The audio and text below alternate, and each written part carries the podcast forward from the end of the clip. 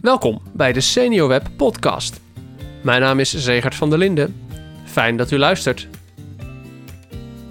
De maand maart staat bij SeniorWeb in het teken van online veiligheid en privacy. In deze vier podcastafleveringen praat ik met verschillende gasten over dit thema. U krijgt achtergronden, verdieping en praktische tips om veilig online te gaan. Digitale assistenten als Siri of Google Home zijn onderdeel van the Internet of Things, of in het Nederlands het Internet der Dingen. Een nog relatief nieuw onderdeel van het internet dat in korte tijd onze huiskamers heeft veroverd. Maar waar moet je nou op letten als je gebruik maakt van the Internet of Things? Dat bespreek ik vandaag op afstand met Elmer Lastdrager. Hij werkt bij het SIDN, waar hij zich bezighoudt met de thema's veiligheid en privacy rondom the Internet of Things. Welkom Elmer. Dankjewel. Ik noemde net al even Siri, Google Home. Dat zijn van die digitale assistenten. Uh, wat kunnen die? Nou, die kunnen je, wat, wat ze in feite doen, is uh, zogezegd uh, spraak naar tekst. Dus ze verstaan wat je zegt.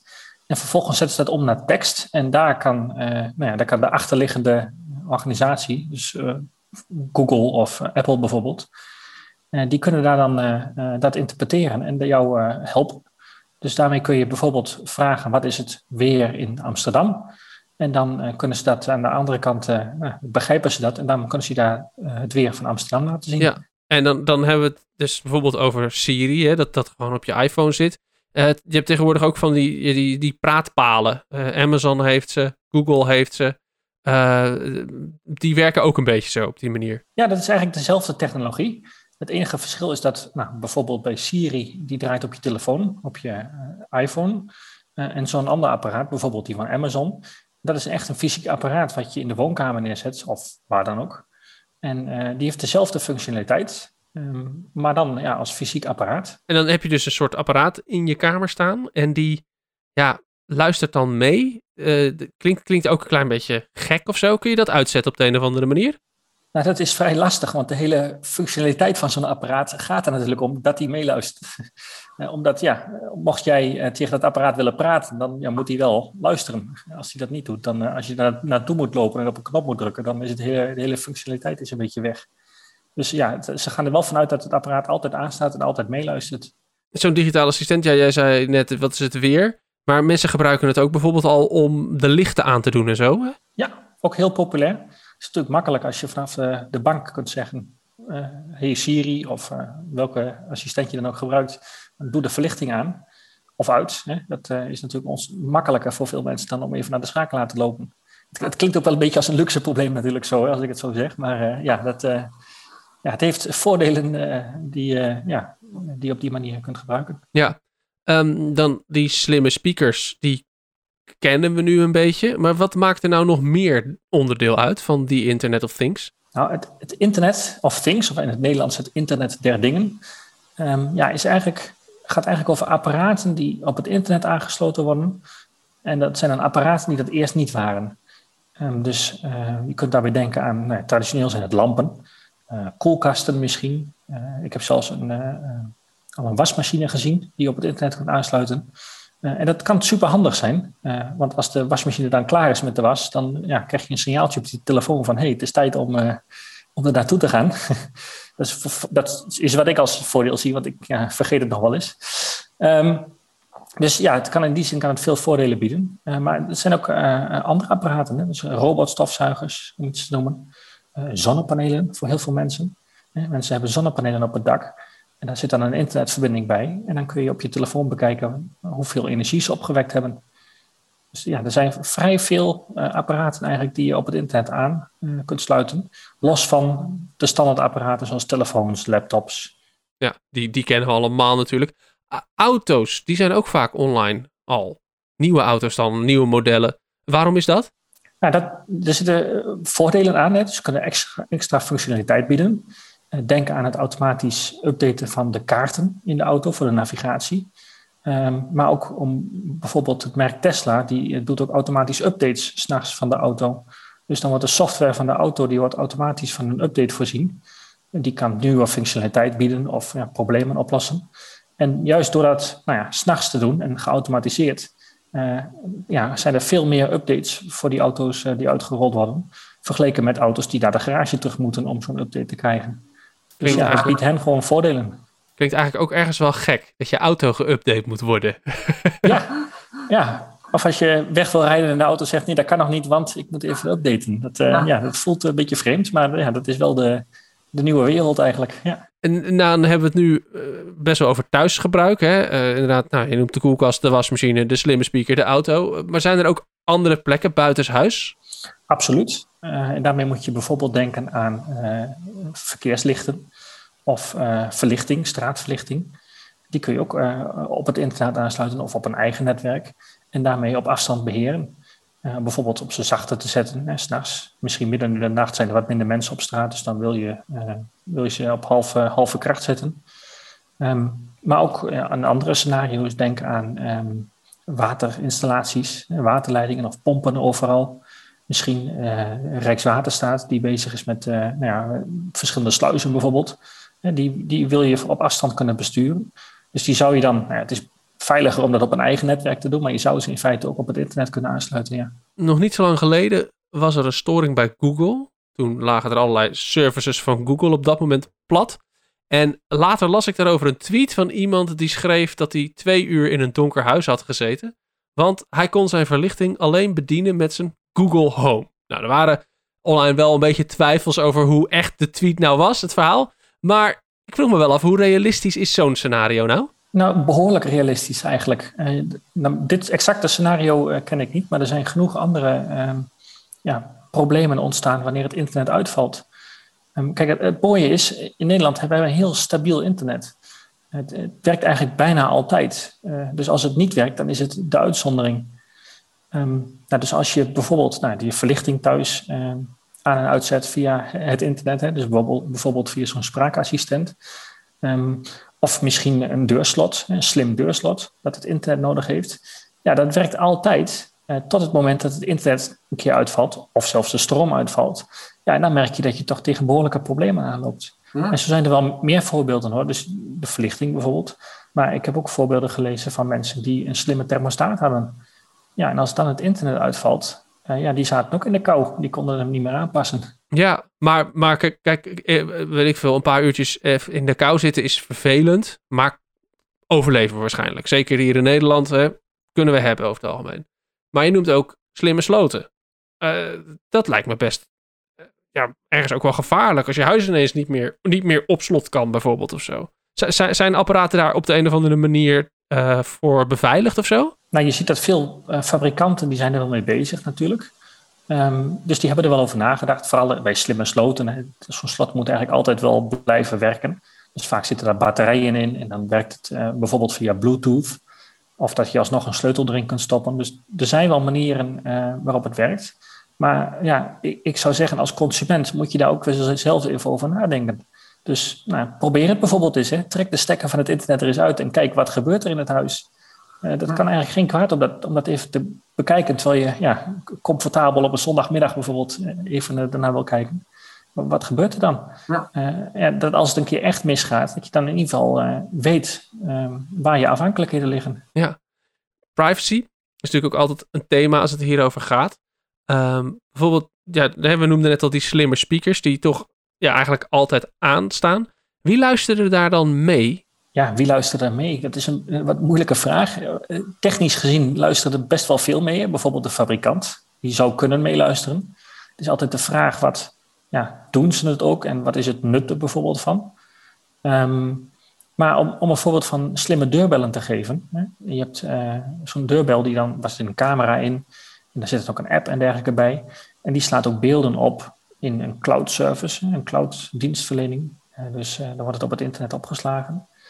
Um, ja, en dan zie je bijvoorbeeld in de Verenigde Staten dat daar de politie ook heel geïnteresseerd in is. Dus die wil heel graag uh, van alle slimme deurbellen in de wijk, willen ze de camerabeelden hebben om te zien of er iets, als er iets is gebeurd in de buurt. kun je zeggen, dat heeft voordelen. Aan de andere kant heeft het ook potentieel nadelen, want wat gebeurt er met al die beelden? De fabrikant heeft misschien toegang tot alle beelden.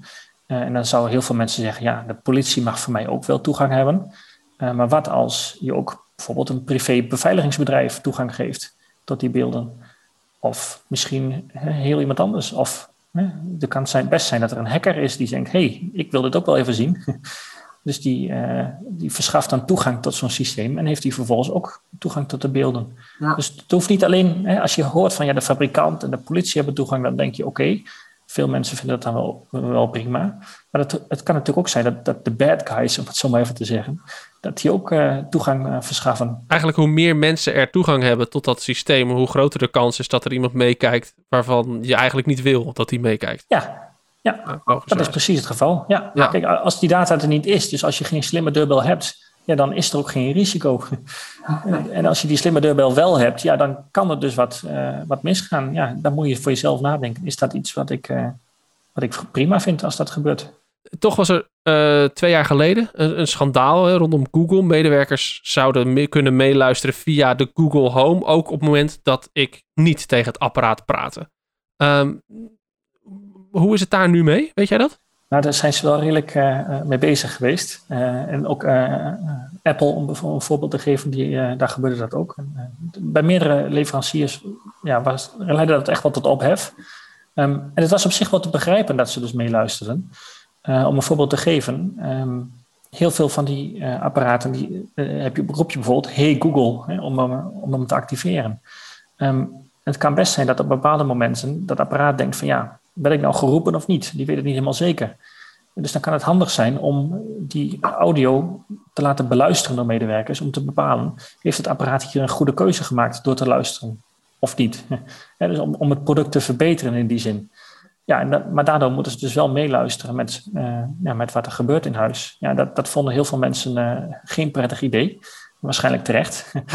um, Dus wat je ziet is dat uh, dit soort bedrijven dat heel vaak via het zogenaamde opt-in zijn gaan doen. Dus dat je expliciet toestemming moet geven, of op zijn minst het kunt uitschakelen, dat je meedoet bij dit, dit soort productverbetering. Dus als je dan niet, geen, goed idee, geen leuk idee vindt dat iemand mee kan luisteren, dan kun je dat gewoon uitzetten. En dan luistert, luisteren ze dus ook echt niet meer mee. Dan doet alleen Google Home, je apparaat doet wat met jouw commando's. Dat is wat er gezegd wordt. Het is natuurlijk wat lastig te checken, helemaal als consument zijnde. Je, je, je weet niet. Je, weet niet wat er gebeurt, maar ze beloven dat uh, ze niet meeluisteren. Ja. En dan moet je, moet je ze geloven daarop. Ja. Of niet, maar ja. je hoort toch ook eh, best wel vaak van die verhalen van mensen die, weet ik veel, ergens uh, over praten, iets heel specifieks. En dan uh, zonder dat ze er ooit op gezocht hebben. En dan toch ineens advertenties daarvoor voorgeschoteld krijgen op internet. Eh, zou dat ook daar door die apparaten kunnen komen? Ik ga het niet uitsluiten, maar ik durf het ook niet te zeggen. Ik heb er nog geen bewijs voor gezien. Nee. Ja, de, de, de, de fabrikanten zeggen dat zijn wij niet in ieder geval. Ja, dat zullen ze zeggen, ja. ja. Als ik nou zo'n handig apparaat... Want het, het, nou, ook wel eens, het is ook gewoon een handig apparaat. Ik bedoel, ja, we hebben zelf ook zo'n klein Google-apparaatje uh, op de, in de woonkamer staan. Het is super makkelijk om even vanaf de, de, de, keuken te roepen: Hey Google, speel uh, de Senior Web podcast af. En dan gaat hij lekker de podcast afspelen, bijvoorbeeld. Maar hoe, wat is nou voor jouw tip om deze apparaten goed en veilig te kunnen gebruiken? Nou ja, lees je goed in. Um, veel apparaten hebben ook een mogelijkheid om een uh, wachtwoord in te stellen. Doe dat ook. Dus zelfs als er al een standaard wachtwoord ingesteld staat, verander dat naar een eigen gekozen goed wachtwoord. Um, ja, zorg natuurlijk de, standaard dingen die je thuis moet doen. Dus zorg dat je, je wifi-netwerk goed beveiligd is. Uh, een aantal van dat soort stappen kun je doen. Um, en ja, lees je goed in. Uh, kijk op het internet naar reviews, hè, naar beoordelingen, productbeoordelingen over die producten. En kijk wat andere mensen erover schrijven. En of daar ook iets over privacy genoemd is. En ja, bedenk je sowieso zelf wat. Kijk, voor heel veel apparaten kun je best logisch nadenken van wat gebeurt er. Zo'n Google Home apparaat, ja, die stuurt dus audio, alles wat hij hoort, de audio stuurt hij naar Google in dit geval. Maar voor sommige mensen die zeggen dat maakt me helemaal niks uit. Andere mensen die zeggen nou, dat, dat wil ik liever niet. Nou, daar moet je dus even goed over nadenken wat je daarin uh, prettig vindt. Ja, en, en moet ik mijn modem of, of router ook nog speciaal instellen op de, om dit soort apparaten goed te kunnen beveiligen? Nou ja, voor veel uh, modems en routers die worden door de provider geleverd. Die zijn vaak wel uh, standaard goed beveiligd. Um, je zou nog een aantal dingen uh, kunnen instellen. Bijvoorbeeld uh, een zogenaamde UPnP, dus UPnP, om dat uit te zetten. dat zorgt ervoor dat apparaten binnen je netwerk dat die automatisch poorten open kunnen zetten naar het internet. Om daarmee dus ook binnenkomend verkeer mogelijk te maken. Ehm, dus dat, dat zou je nog uit kunnen zetten als extra maatregel. UPnP uitzetten is wel hogere internetkunde. Dus eh, mocht u dat overwegen, kijk dan even in de tekst die bij deze aflevering staat. En daar staat een linkje naar een artikel waarin uitgelegd wordt hoe dit werkt. Elmer, terug naar jou. Nog andere tips voor de router? Ehm, ja, maar verder, ja, het is een apparaat wat je aan het internet hangt. Dus je bent wel een beetje afhankelijk van uh, wat voor software er op het apparaat staat en wat die doet. Dat is wat, ja, niet zo goed te zien. Nee, in, in dat geval moet je een goede fabrikant selecteren. Hè? Ja, ja, maar moet je die software bijvoorbeeld dan ook updaten nog af en toe? Nou ja, als, het, als de updates beschikbaar zijn, absoluut. Uh, net als op de telefoon en net als op de computer. Ja, als er een update beschikbaar is, zorg altijd dat je, dat je die installeert. Want er worden heel vaak beveiligingslekken mee, uh, mee gedicht. Uh, en dat geldt voor de Internet of Things apparaten natuurlijk helemaal. Um, ja, en verder, eh, kijk, voor, niet alle apparaten is een update beschikbaar. sommige apparaten die, die krijgen nooit updates. Dat is vooral voor de mensen die het zelf uit China importeren van wat onbekendere merken. Die, die krijgen geen update. Dus ja, als daar een keer een beveiligingslek in gevonden wordt, dan, ja, is dat, dan wordt het nooit meer opgelost. Nee, dus dat, dat is ook wel het, het grote probleem. en daar is niet echt een oplossing voor, behalve dus um, ja, apparaten kopen die wel geüpdate kunnen worden. Dus dat kun je ook prima als een vraag stellen hè, voordat je iets koopt. Uh, stel de vraag aan de leverancier of aan de winkel waar je het wil kopen van hey, krijgt dit apparaat updates of niet? Ja, zolang er dus wel updates zijn, dan, is, dan kunnen ze in ieder geval de boel beter beveiligen. Ja. ja. dit klinkt allemaal al best wel een beetje futuristisch. Je, je koelkast die op het internet aangesloten is en zo. Maar ik heb ook ergens het gevoel dat we nog wel heel erg aan het begin staan hiervan. Wat denk jij, hoe, hoe gaat zich dit ontwikkelen? Nou, ik denk dat het echt, echt in de kinderschoenen nog staat. Uh, in, die, in die zin is het eigenlijk een soort nieuwe industrie. Dus het is een, nieuwe groep producten. Um, ook al bestonden de producten misschien al, hè, door, door ze aan het internet te verbinden, is er toch wat nieuws aangemaakt. En je ziet dat daar um, ja, dat heel veel bedrijven ja, waar, wat is hun businessmodel? Waar verdienen dat soort bedrijven nou hun geld mee? Dat is met het verkopen van apparaten. Um, en niet met het zorgen voor veilige apparaten. Dat, dat, dat verkoopt niet echt goed. Ja, als je erop zet, dit is een heel veilig uh, zonnepaneel. Uh, omdat hij een goede, uh, goede software-updates krijgt en dergelijke. Ja, er zijn niet veel mensen die daar interesse in hebben. Bij een zonnepaneel denken mensen eerder aan van... Ja, hij moet zoveel mogelijk energie opleveren. En er moet een lage prijs zijn en uh, de installatie moet makkelijk zijn, bijvoorbeeld. Um, dus ja, de, de, veiligheid is in die zin niet echt een heel erg verkoopargument voor de leverancier. Um, en daar zie je dus ook dat het, dat het echt in de kinderschoenen staat. Um, ja, er zijn nog gewoon weinig regels in die zin. Die, die komen er overigens wel. Hè? Want ja, het internet der dingen is niet uh, heel nieuw. Het bestaat al een aantal jaar.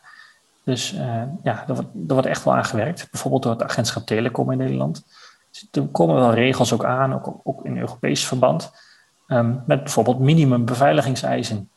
Of een, een eis aan een fabrikant om tenminste een aantal jaar software-updates uh, te, te geven, te leveren. Ja. Dus er wordt er wel wat aan gedaan.